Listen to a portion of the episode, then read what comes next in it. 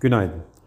ABD yönetimi ülke genelinde benzin fiyatlarını düşürmeye yardımcı olmak için stratejik petrol rezervinden ilave 20 milyon varil petrol satacağını duyurdu.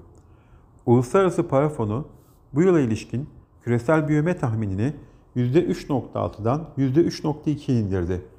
Raporda Türkiye ekonomisinin bu yıl için büyüme tahminini %2.7'den %4'e yükseltildi.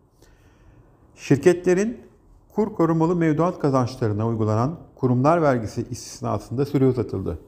Bugün yurt içinde önemli bir veri akışı bulunmuyor. FED toplantısı kararı bugün açıklanacak.